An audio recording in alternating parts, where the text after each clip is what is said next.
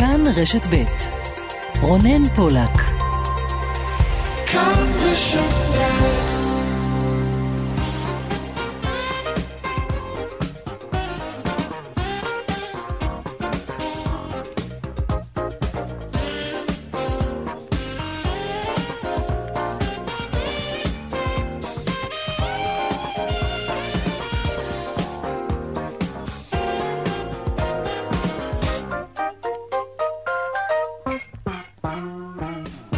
ועוד שש דקות. צבע הכסף, התוכנית הכלכלית כאן ברשת ב', שלום לכם. בשעה זו מכונסת הממשלה לישיבה מיוחדת לדון בהארכת הסגר. בפתח הישיבה אמר ראש הממשלה, יש להאריך את הסגר. יושב ראש כחול לבן אומר, מפלגתו תתמוך בהארכת הסגר בשבוע עד עשרה ימים, אם יתקבלו דרישותיה. מיד נתעדכן מישיבת הממשלה, ננסה להבין גם מדוע התחלואה עדיין עולה. הסגר הרי נמשך וגם מבצע החיסונים מתרחב. מעתה גם בני 40 ומעלה. מיד כאמור כל העדכונים, מפיקת התוכנית היום עירונית גור אריה, טכנאית השידור ליטל אטיאס, אני רונן פולק, המייל שלנו כסף, כרוכית כאן.org.il. מיד מתחילים.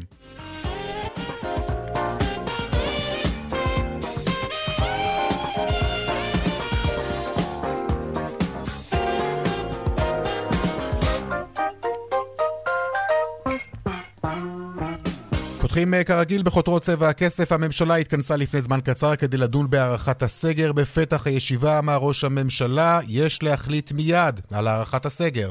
אנחנו במרוץ צמוד בין מבצע החיסונים הענק שלנו לבין uh, התחלואה הגואה בכל העולם בגלל המוטציות. מדינות רבות באירופה, במקום uh, להפסיק את הסגר שלהם כמתוכנן, מאריכות עכשיו את הסגר עד מרץ וגם אפילו עד אפריל. אנחנו חייבים להמשיך לקבל את ההחלטות הנכונות למען אזרחי ישראל. אנחנו צריכים להחליט מיד על הארכה נוספת של הסגר, של הסגר הקיים. זה אולי לא פופולרי, זה ודאי לא נוח בתקופת בחירות, אבל זה מה שאנחנו צריכים להחליט היום, ואני מצפה מכולם לתמוך בזה. שר הבריאות אדלשטיין הנחה את מנכ"ל המשרד הפרופסור לוי להיערך לחיסון של רבע מיליון בני אדם בכל יום. מעתה קופות החולים מתחילות לחסן את בני ה-40 ומעלה. שלום לך דקלה אהרון שפרן, כתבתנו לענייני בריאות. העדכון שלך, דקלה. דקלה איתנו? כן, רונן, אז קופות החולים מתחילות לחסן בני 40 ומעלה, כך מודיע היום משרד הבריאות. עד כה התחסנו כ-2 מיליון ו-200 אלף בני אדם בישראל, ושר הבריאות הנחה את קופות החולים להיערך לחסן רבע מיליון בני אדם ביום. היום אמרה דוקטור שרון אלרועי, ראש שירותי בריאות הציבור, כי אנחנו בתחלואה מטורפת, כך לדבריה, שגובה חיי אדם, מעל 50 פטירות ביום של אנשים שניתן היה להציל אותם. אלרועי אמרה לקרן נויבך במשדר סדר יום כי המצב לא פשוט וכי אנחנו בשיא מאז תחילת המגפה ובעומס מאוד גדול בבתי החולים, מעל אלף חולים קשים וקריטיים. היא הוסיפה כי מתחילים לראות מגמת השפעה של החיסונים וכי משרד הבריאות ימליץ על הארכת הסגר בשבועיים, בפרט בגלל ההשפעה של הווריאנט האנגלי, שמתפשט בעיקר באוכלוסייה החרדית. תודה. דקלה, הגבלות בנתב"ג, האם יוטלו קנסות על מי שיעלו על מטוס לישראל ללא בדיקה, ובכלל, מתי תחול ההוראה הזאת המחייבת בדיקה שלילית לפני ההמראה? שלום לך, שרון עידן, כתבנו לענייני תעופה ותיירות. שרון. כן. כן, שלום רונן. בוא נתחיל באמת מהסיפה, בעצם אנחנו מדברים על בין שישי לשבת, כלומר שבת בחצות ודקה, אם תרצה, כל ישראלי, אגב לא רק ישראלי, אבל כל אדם שנכנס לישראל מכל יעד בעולם, רונן, יצטרך להראות בדיקת קורונה שלילית בת 72 שעות או פחות מכך. במקביל לכך מקדם משרד הבריאות ממש עכשיו בישיבת הממשלה אה, שמתקיימת אה, כעת קנסות של 2,500 שקלים לכל ישראלי שלא ייגש לעשות את הבדיקה, או שיאמר שהוא איבד את הבדיקה, בכל מקרה לא, לא יצליח להשיג אותה עם הנחיתה. חשוב לומר, כרגע בעצם גם רשות התעופה האזרחית בתחילת השבוע תוציא סוג של נוט, מודעה לחברות התעופה, בכלל לא להעלות ישראלים או זרים לטיסות לתל אביב, בכלל לישראל בלי אותה בדיקה, אבל כרגע, כמו שזה נראה, החל בשבת הקרובה, בדיקת קורונה שלילית בתוקף, תנאי להגעה כן. לנתב"ג. תודה, שרון. ועוד בצבע הכסף בהמשך, יושב ראש ההסתדרות באיגרת לחברי הארגון. אני לא מציע לאף אחד, גם לא לראש הממשלה, לבחון את רף הסבלנות שלי. כך ארנון בר דוד, הוא מוסיף, נהיה ערוכים לכל מאבק. והדברים האלו באים ברקע הדברים שהשמיע ראש הממשלה בשבוע שעבר במפגש מקוון עם השולמנים, שם הוא תקף את ההסתדרות, המונופול הגדול ביותר במשק, כך הוא הגדיר אותם. אנחנו נדבר כאן עם יושב ראש ההסתדרות, תגובה ראשונה שלו לדברים האלו. ועוד uh, בהמשך, האם ענף התיירות הכפרית סוגר שנה מוצלחת מזה עשור? נשמע מוזר, נדבר על כך. נדבר גם עם הסטודנטים לקראת פתיחת עונת המבחנים, איך נערכים לבחינה בתקופה של סגר ולמידה מרחוק, וגם הדיווח משוקי הכספים כרגיל לקראת סוף התוכנית. צבע הכסף, עד חמש, אנחנו מיד ממשיכים.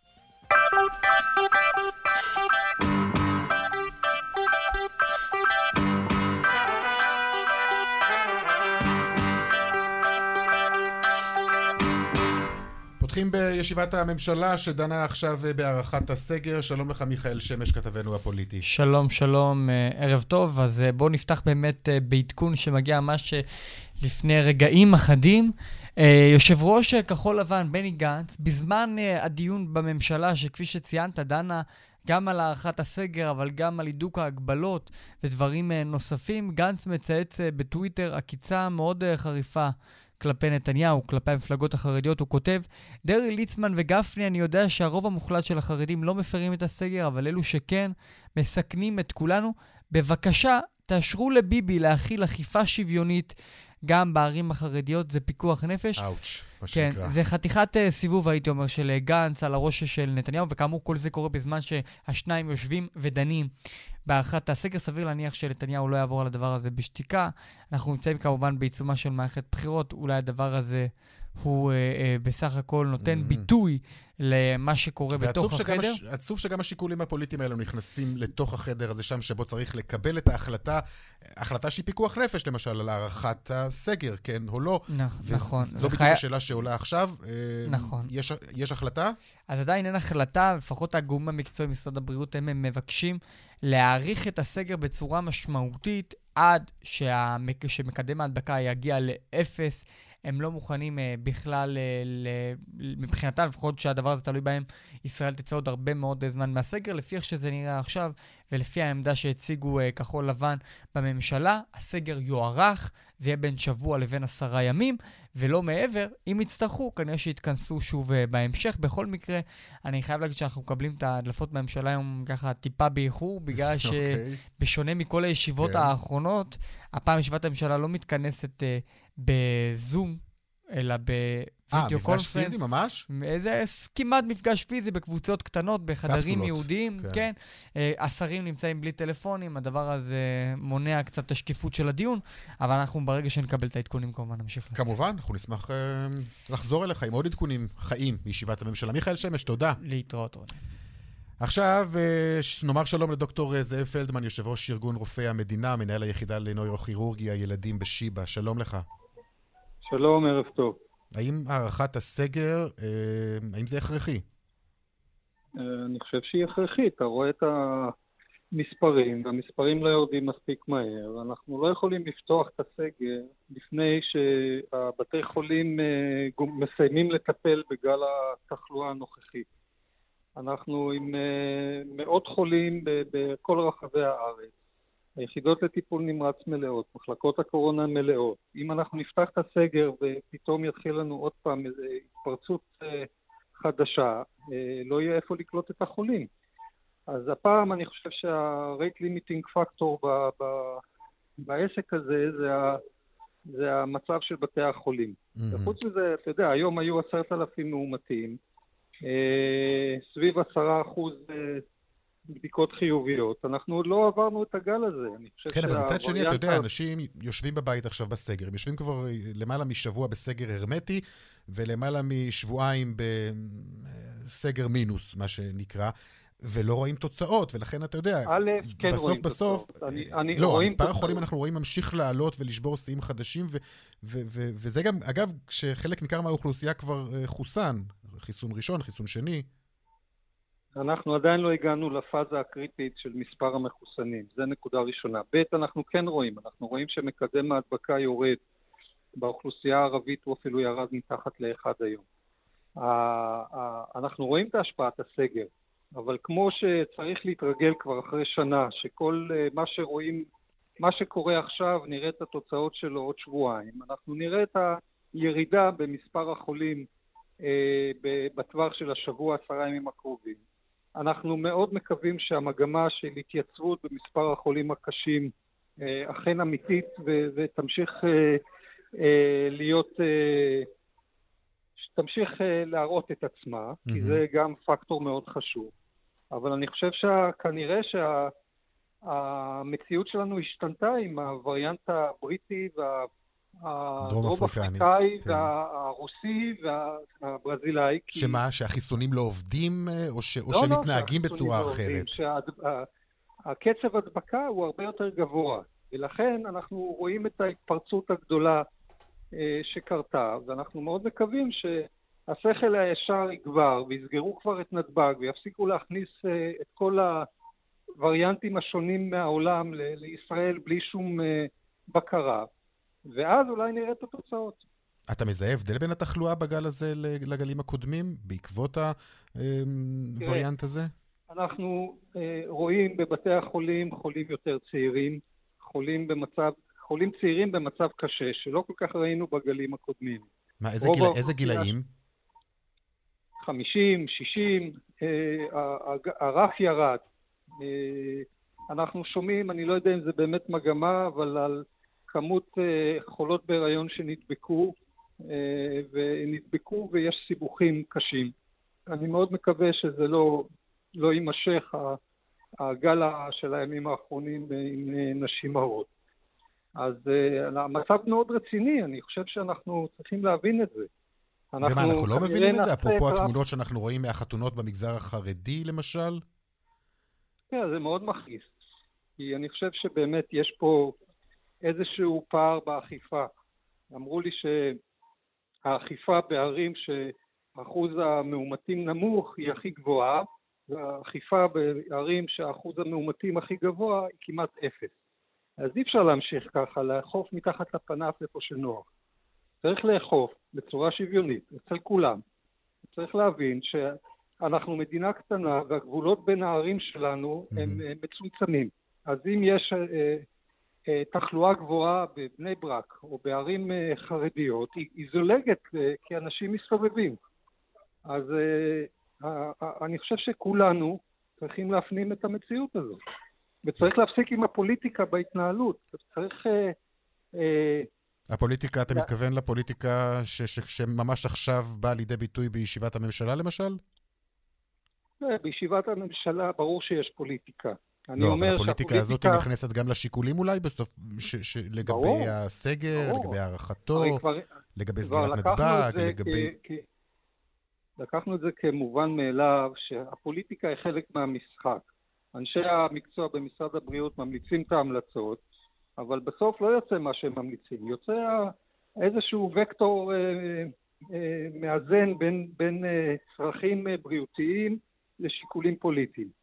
אבל הנושא של סגירת נתב"ג זה שיקול פוליטי. הנושא של אה, לעצור את העלאת הקנסות בצורה משמעותית זה נושא פוליטי. צריך לפתור את הדברים האלה, כי אלה הכלים שיש לאכיפה אפקטיבית. הדברים ברורים. דוקטור זאב פלדמן, יושב ראש ארגון רופאי המדינה, מנהל היחידה לנוירוכירורגיה ילדים בשיבא, תודה רבה לך. תודה רבה. עכשיו לקורונה ולענף התעסוקה. בשנה שחלפה ירד מספר המשרות הפנויות במשק ביותר מ-30 אחוזים. הענפים ששילמו את המחיר הגבוה ביותר הם ענפי האירוח וההסעדה, הבילוי, הפנאי. שלום דנה ירקצי, כתבת התחום הכלכלי שלנו. שלום רונן. את עם הנתונים האלו, דנה, שמפרסמת היום הלשכה המרכזית לסטטיסטיקה.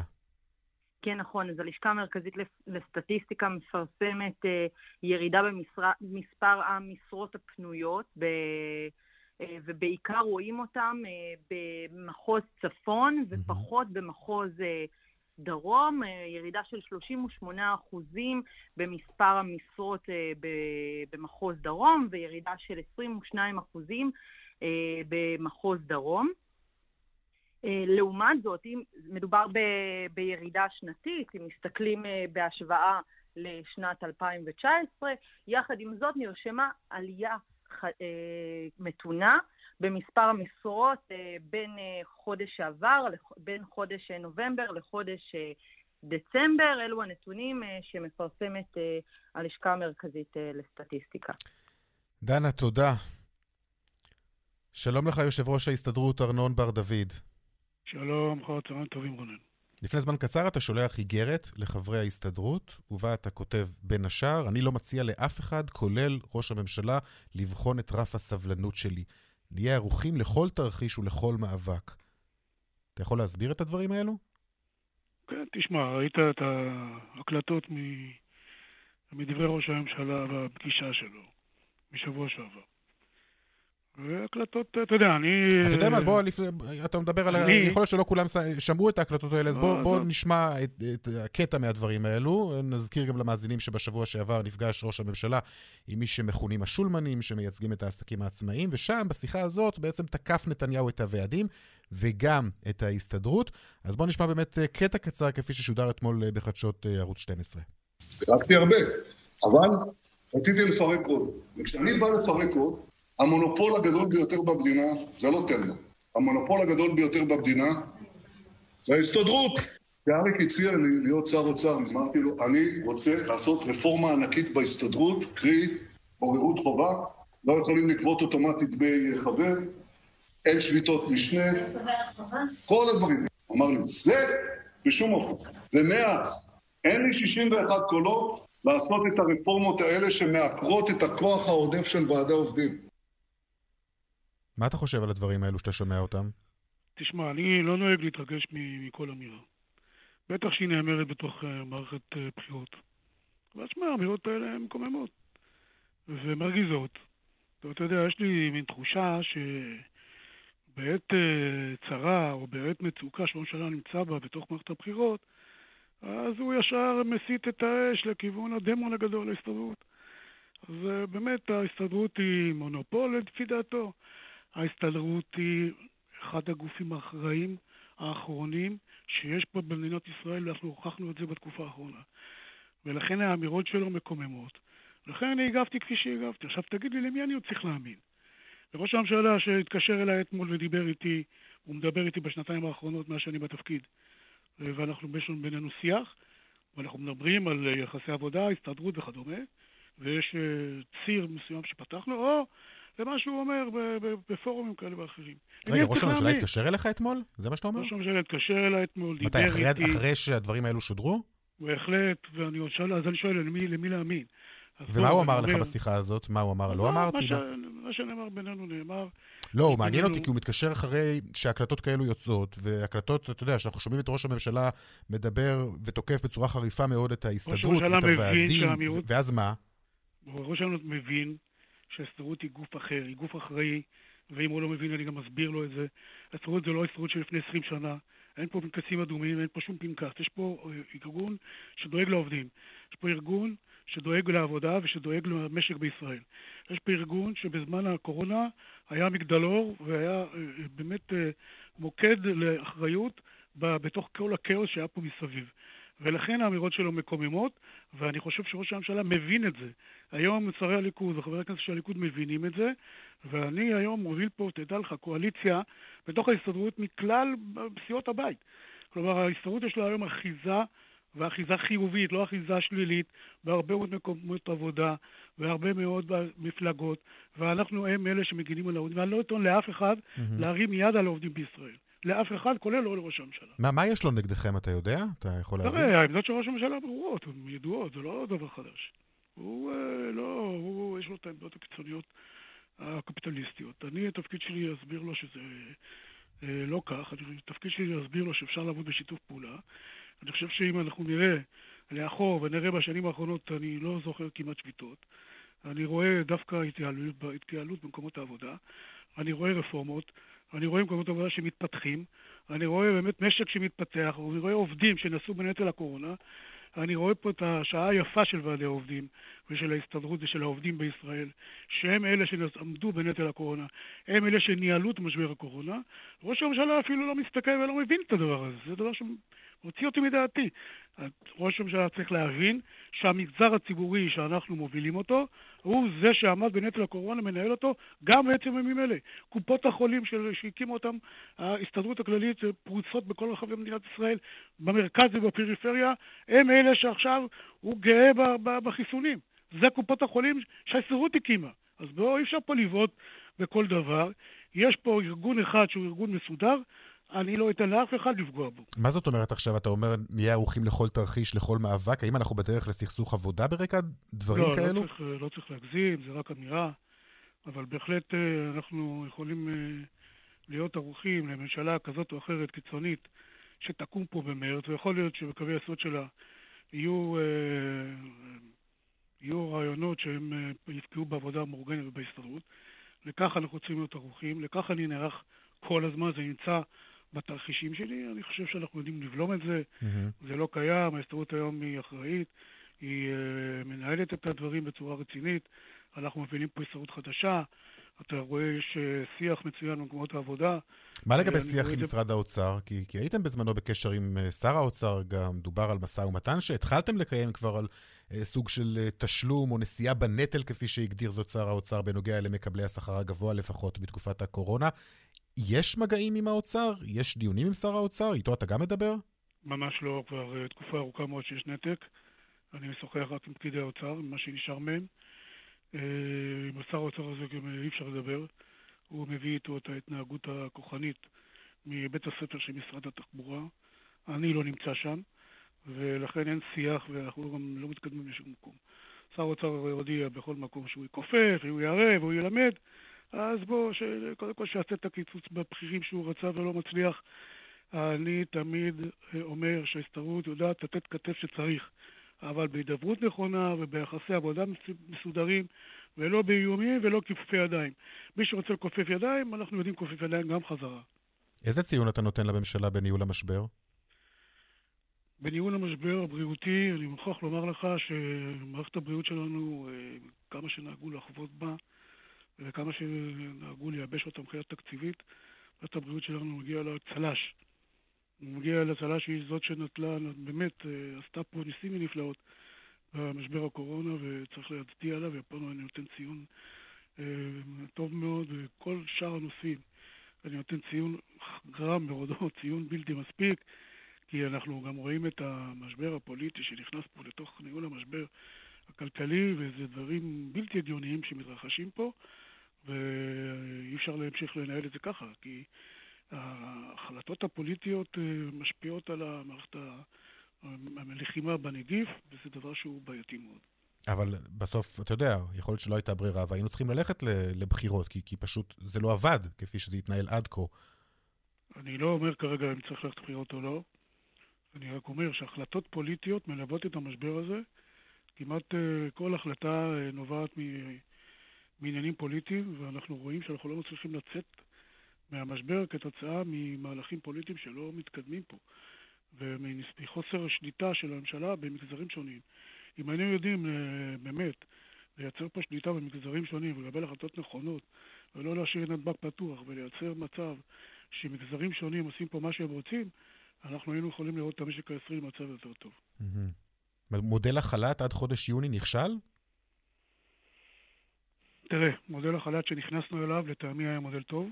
כלומר, לא הייתה ברירה שמדינת ישראל נכנסה לתוך משבר הקורונה במרץ אה, 20, שזה היה פתרון שהוא פתרון מהמם. טוב. כי ביטוח לאומי יודע לתת את הפתרונות, הוא נתן פתרונות. הארכת החל"ת עד יוני יצרה לנו באמת אה, משבר לא פשוט. כי היא גם הכניסה עובדים לשנה שלא עובדים. התרגלו לא לעבוד. יש אה, מקומות עבודה שחסרים בהם עובדים. העובדים התרגלו לא לעבוד. ולכן זה יצר אה, בעיה. כלומר, השלב הראשון היה נכון, השלב השני היה צריך כבר אה, להסתכל, אה, להסתכל לכיוון חל"ת גמיש או לכיוון מודל גרמני. לצערי לא יודעים לעשות את זה במדינת ישראל, וכרגע יוני זה קו פרשת מים במערכת יחסי, במערכת האבטלה או מערכת הכלכלה במדינת ישראל. אני צופה ביוני שהחל"ת ייגמר, ואני צופה ביוני שיכול להיות שאנחנו כבר נהיה מעבר למגפה כתוצאה מ... מהמם. מהחיסונים ומסה קריטית של חיסונים שתיתן תיתן לציבור, ואז אני חוש- חושב שהמשק הישראלי יכול לנוע קדימה.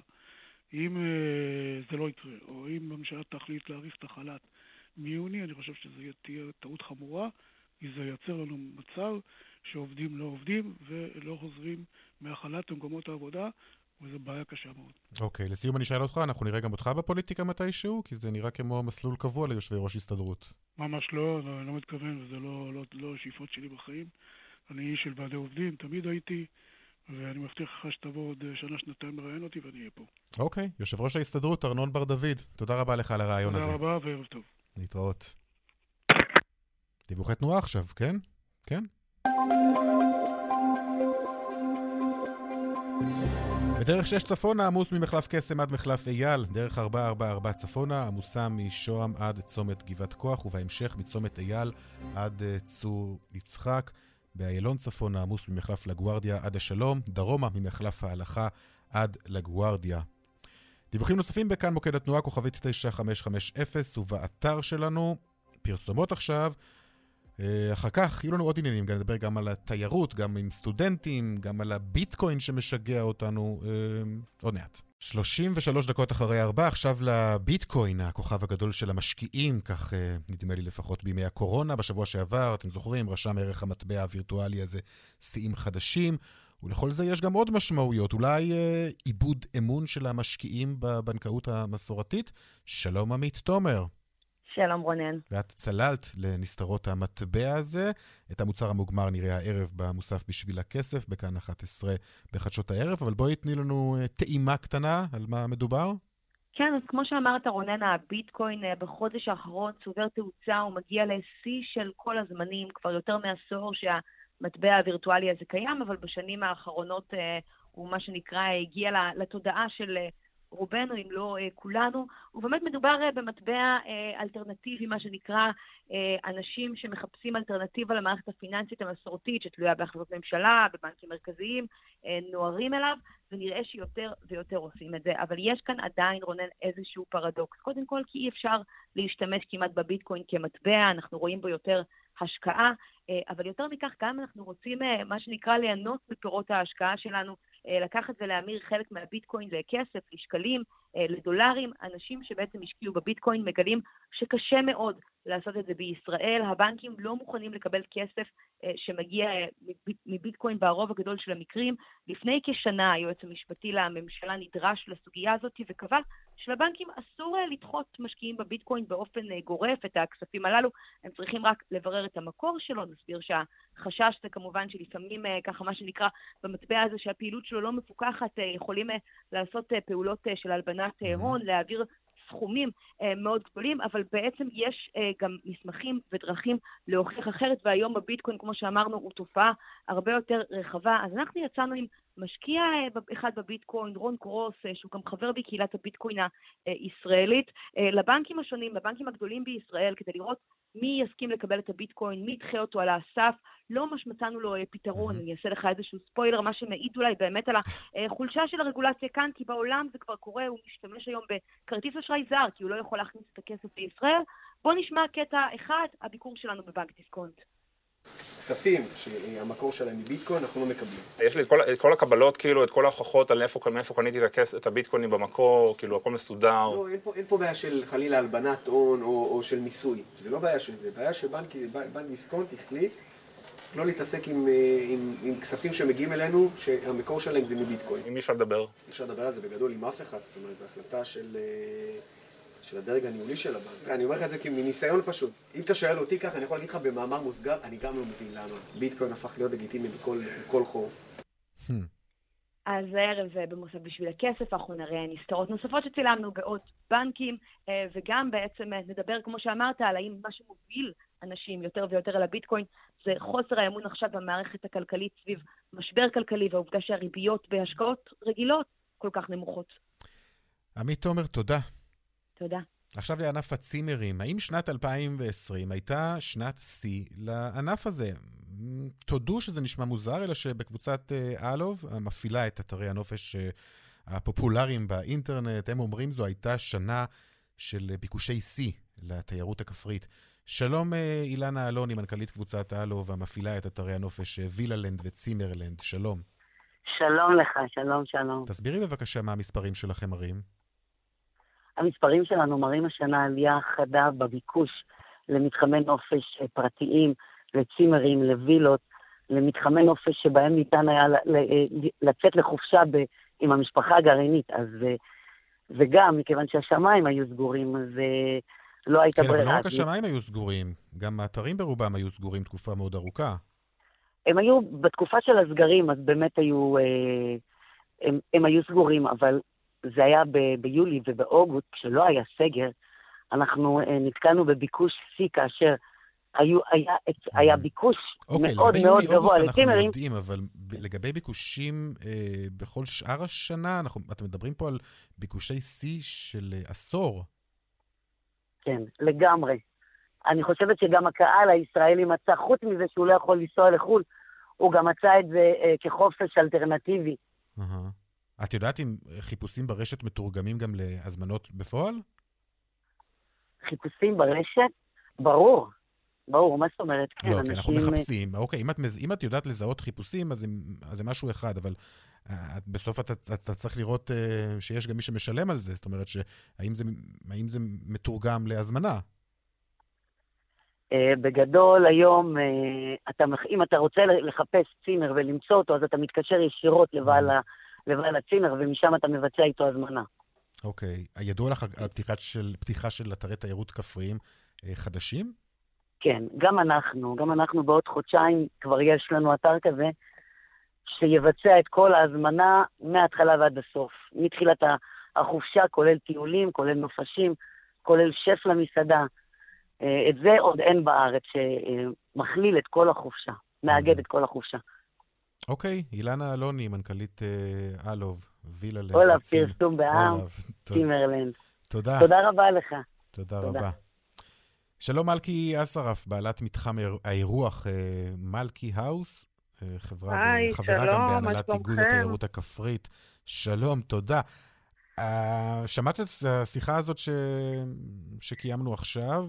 שמעתי השנה ממש את המילים הטובה האחרונות. לענף שלכם מזה עשור, האומנם? אה, תראה, אני לא יכולה לציין אותה כשנה טובה. לא, כי בסיכום, אתה יודע, סוף שנה אנחנו מסכמים את השנה ובעצם מסתכלים... אה, נכון, היו תקופות שעבדנו קצת יותר טוב ביחס לשנים קודמות, אבל עדיין בטוטל יש לנו הפסדים.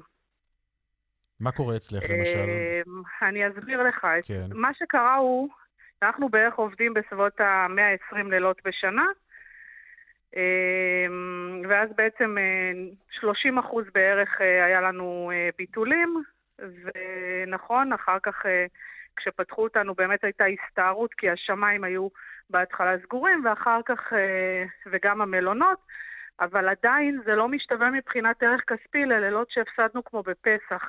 היינו סגורים ב- ב- בחגים, שזה בעצם, אה, אתה יודע, מחירי שיא מן הסתם, כי יש ביקוש מאוד גבוה.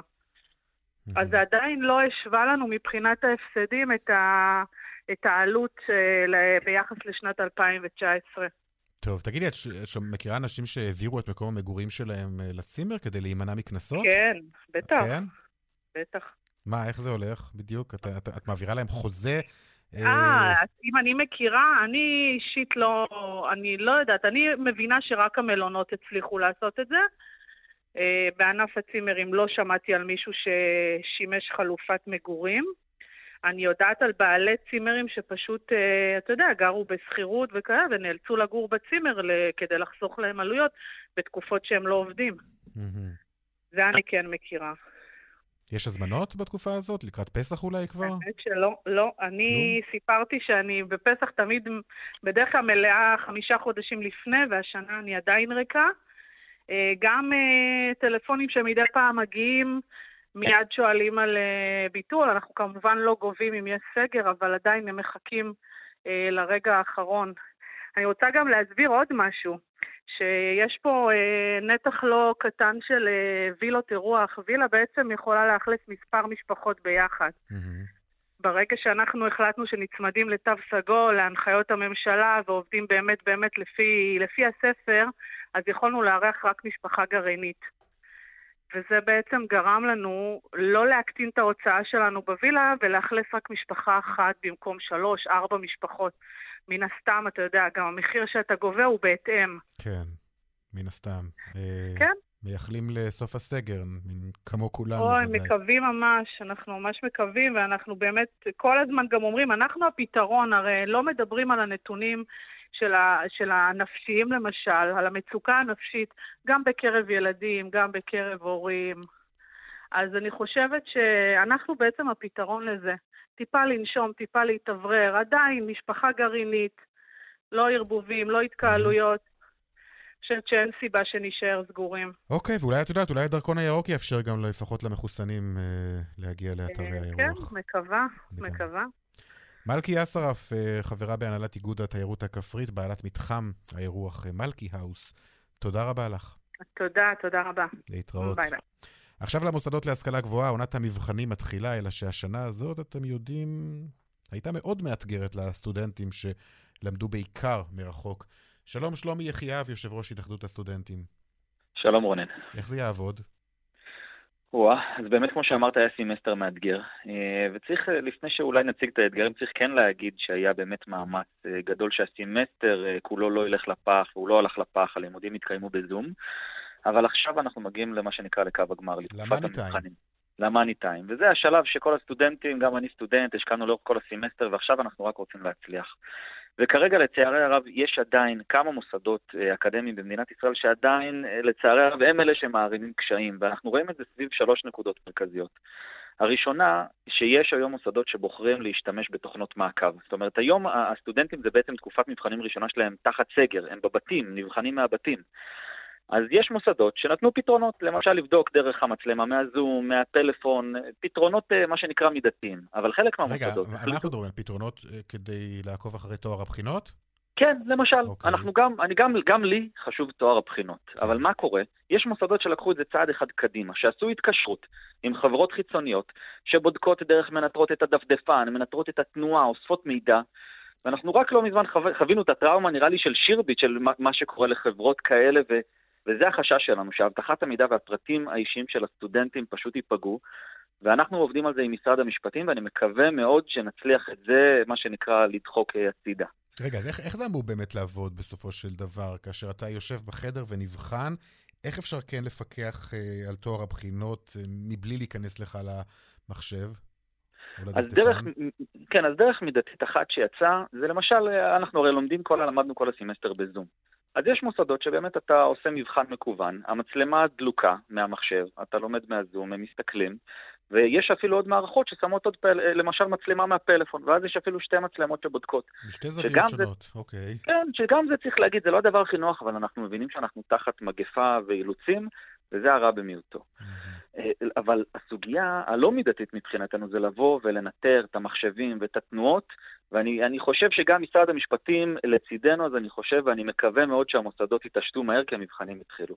נקודה אבל שנייה, שהיא גם קשורה לאתגר לא פחות קטן, זה שבסוף בסביבה הביתית אנחנו תחת סגר, וההורים למשל, ההורים לילדים שלא שולחים את הילדים למערכות חינוך, זו תקופה מאתגרת גם עבורם, שהם נמצאים אה, בבתים, ו- וקשה אה, להיבחן כמו שצריך. לכן אחת מהנקודות השניות שאנחנו גם עליה נאבקים, זה שלמשל אה, סטודנטים שהם מורים, יקבלו הארכת זמן, יקבלו עוד מועד, ואני שמח לראות שיש מוסדות שלוקחות את זה בשתי ידיים ומחבקות ותומכות בהורים, ולצערי הרב, מוסדות אחרים שלא נותנים את המענה. והנקודה שנוצרת כאן, רונן, והיא הכי מטרידה אותנו, שנוצרת מציאות לא שוויונית, שסטודנט אחד במוסד אחד יש לו הזדמנות להצליח, וסטודנט ממוסד אחר אין לו את ההזדמנות להצליח כמו שצריך. טוב, גם יציאה לשירותים ראיתי, גם זה משהו שציינתם במכתב שלכם, נכון?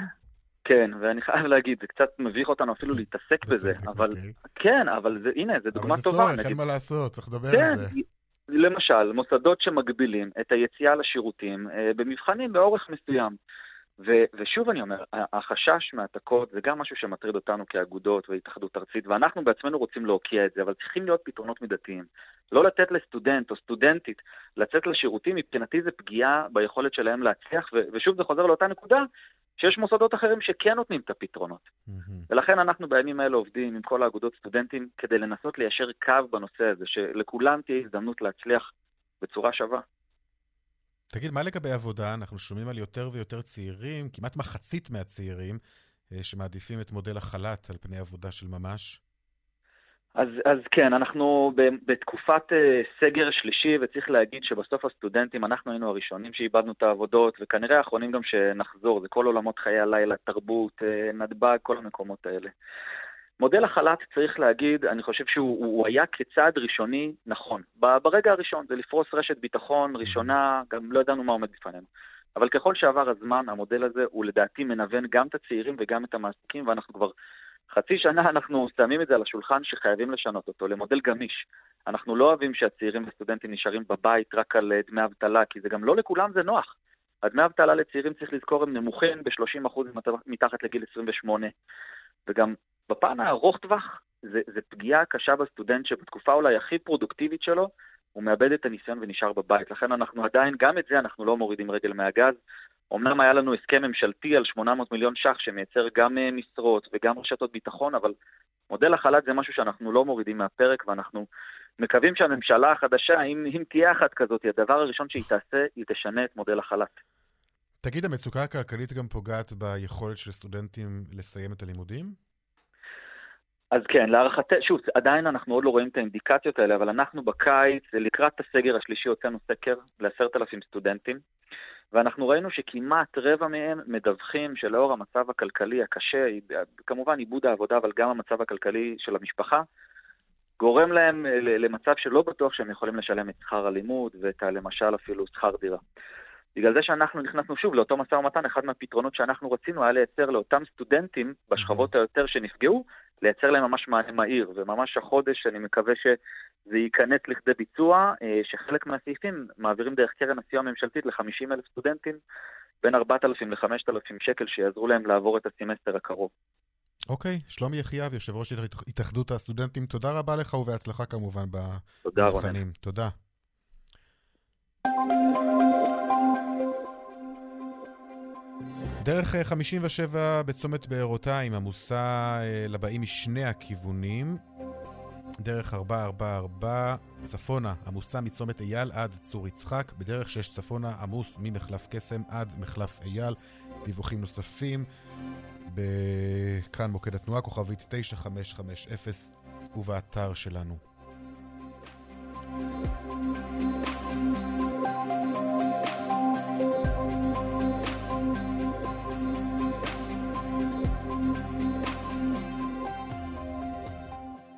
חוזרים להתעדכן uh, מישיבת הממשלה, הדנה בשעה זו ממש בהארכת הסגר. שלום עמיחי שטיין, כתבנו המדיני. שלום רונן. הממשלה באמת ממשיכה עכשיו אה, לדון כבר, uh, נגיד, מאז השעה שתיים בנושא הארכת הסגר. השאלה, צריך לומר, היא לא האם יוארך הסגר, אלא מתי.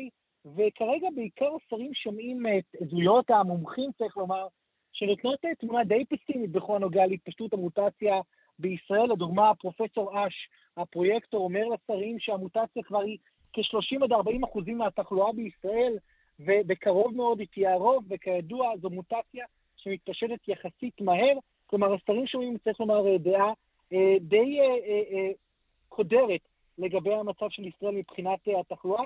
עדיין לא הגענו לשאלה באמת, או לדיון הבאמת רציני, עד מתי יימשך הסגר. רק נגיד שמשרד הבריאות, העמדה שהוצגה לשרים היא שצריך להאריך את הסגר אה, אה, בשבועיים נוספים, אה, וכרגע באמת הם שומעים את המומחים, שומעים את התחזיות הקודרות ומנסים כאמור אולי מזה להגיע להחלטה בכמה זמן יאריכו את הסגר. רק נגיד, בכחול לבן הביאו שמבחינתם הארכת הסגר רלוונטית לדבר עליה בין שבוע לעד שבוע וחצי, לא יותר מכך, אבל כאמור הדיון עדיין מתקיים בשעה זו. אוקיי, בוא נשמע, אה, עמיחי, תודה רבה לך. נשמע בינתיים אה, דברים שאמר ראש הממשלה נתניהו בפתח ישיבת הממשלה בעניין אה, הצורך להאריך את הסגר. נשמע. אנחנו במרוץ צמוד בין מבצע החיסונים הענק שלנו לבין התחלואה הגואה בכל העולם בגלל המוטציות. מדינות רבות באירופה, במקום להפסיק את הסגר שלהם כמתוכנן, מאריכות עכשיו את הסגר עד מרץ וגם אפילו עד אפריל. אנחנו חייבים להמשיך לקבל את ההחלטות הנכונות למען אזרחי ישראל. אנחנו צריכים להחליט מיד על הארכה נוספת של הסגר, של הסגר הקיים. זה אולי לא פופולרי, זה ודאי לא נוח בתקופת בחירות, אבל זה מה שאנחנו צריכים להחליט היום, ואני מצפה מכולם לתמוך בזה. כך ראש הממשלה מישיבת הממשלה שנמשכת גם אה, בשעה זו. עכשיו לדיווח משוקי הכספים. 102, 200, take them.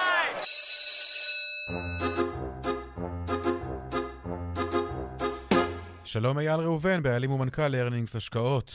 שלום, שלום רונן. מה קורה היום בשווקים?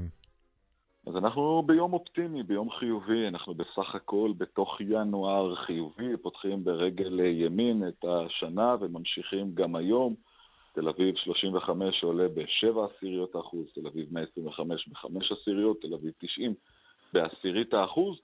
הבנקים, אה, כל תחום הבנקים במדינת ישראל קיבל המלצת אה, קנייה ועוד כמה חוזקות שמצביעה עליהם סיטי, בנק, סיטי גרופ, בנק להשקעות גדול בארצות הברית.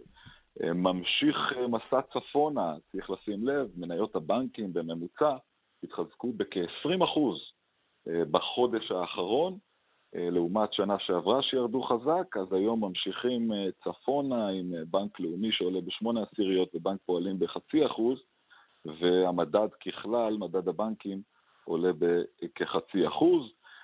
פורסייט אצלנו שהשלימה מתחילת השנה הזו 175 אה, אחוז, מתחילת ינואר, מניית הטכנולוגיה לרכבים האוטונומיים, אה, פתחה אצלנו היום את המסחר ב-10 אחוז, עכשיו ככה נחלשת, היא בסביבות האחוז עלייה, אבל עשתה מרוץ חזק מאוד מתחילת השנה. מזרח הסתיים המסחר בעליות אה, שערים אה, די אה, חדות של כ-2% בממוצע. אירופה היום יציבות עם נטייה לירידות שערים, האירוסטוק 50 יורד כרגע בשליש האחוז, ואם מסתכלים על הנסדק עם כניסתו של ביידן לתפקיד, מקבלים אותו, כמו שאומרים, בברכה, עליות קלות, הנסדק עולה בשבע עשיריות האחוז, הראסל 2000 עולה בשלוש עשיריות, וה-S&P בכחצי אחוז. אה, אם נדבר על המטח, שהוא המעניין, הוא הכוכב, ראינו אותו נחלש אה, באופן יחסי בתקופה האחרונה, מתחילת השנה נחלש, וביום חמישי התערבות של בנק ישראל, מעבר לכניסה למסחר, גם הודיע שמתכוון להילחם אה, בשער הנמוך שמזיק ליצואנים ולכלכלה הישראלית, ולקנות כ-30 מיליארד דולר במהלך השנה, להדוף את הכניסה אה, של הדולרים לתוך אה, ישראל בביקוש לדולרים מצידו, אז הצליח בסוף השבוע להעלות את שער הדולר בכ-2.5 ואנחנו רואים כרגע במסחר שהוא ממשיך להתחזק בארבע עשיריות לשער של שלושה שקלים 2.4. גם האירו עולה אצלנו היום בשמונה עשיריות האחוז לשלושה שקלים 93 אגורות. עד כאן הדיווח היומי מהבורסות.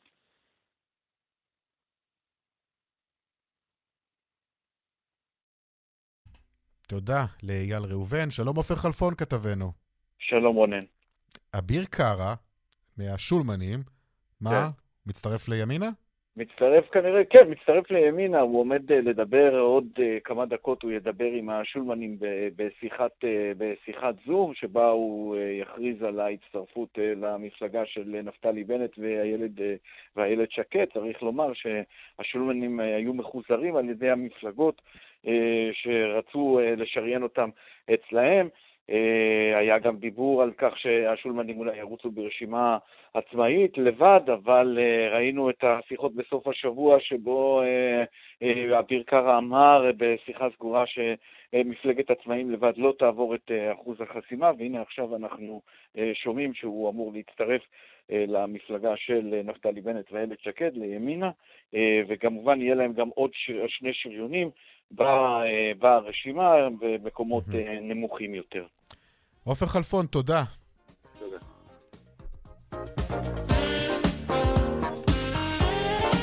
שלוש דקות וחצי לפני חמש, עד כאן. צבע הכסף, מהדורת יום שלישי. תודה לצוות שלנו. הפיקה את התוכנית היום רונית גור אריה, טכנאית השידור אליטל אטיאס, אהוד כהן על דיווחי התנועה. אני רונן פולק, אתם מוזמנים להגיב ולפנות אלינו גם במייל כסף כרוכית כאן.org.il, אנחנו גם בטוויטר, יאיר ויינרב או רונן פולק. מיד אחרינו, שלי יחימוביץ' ויגאל גואטה, שידור חוזר של התוכנית הזאת הלילה בשתיים, למי שפספס, למי שבא לו שוב. בכל מקרה, כל התוכניות שלנו גם באתר וביישומון של אה, כאן חדשות. תוכנית חדשה לגמרי, מחר בארבע.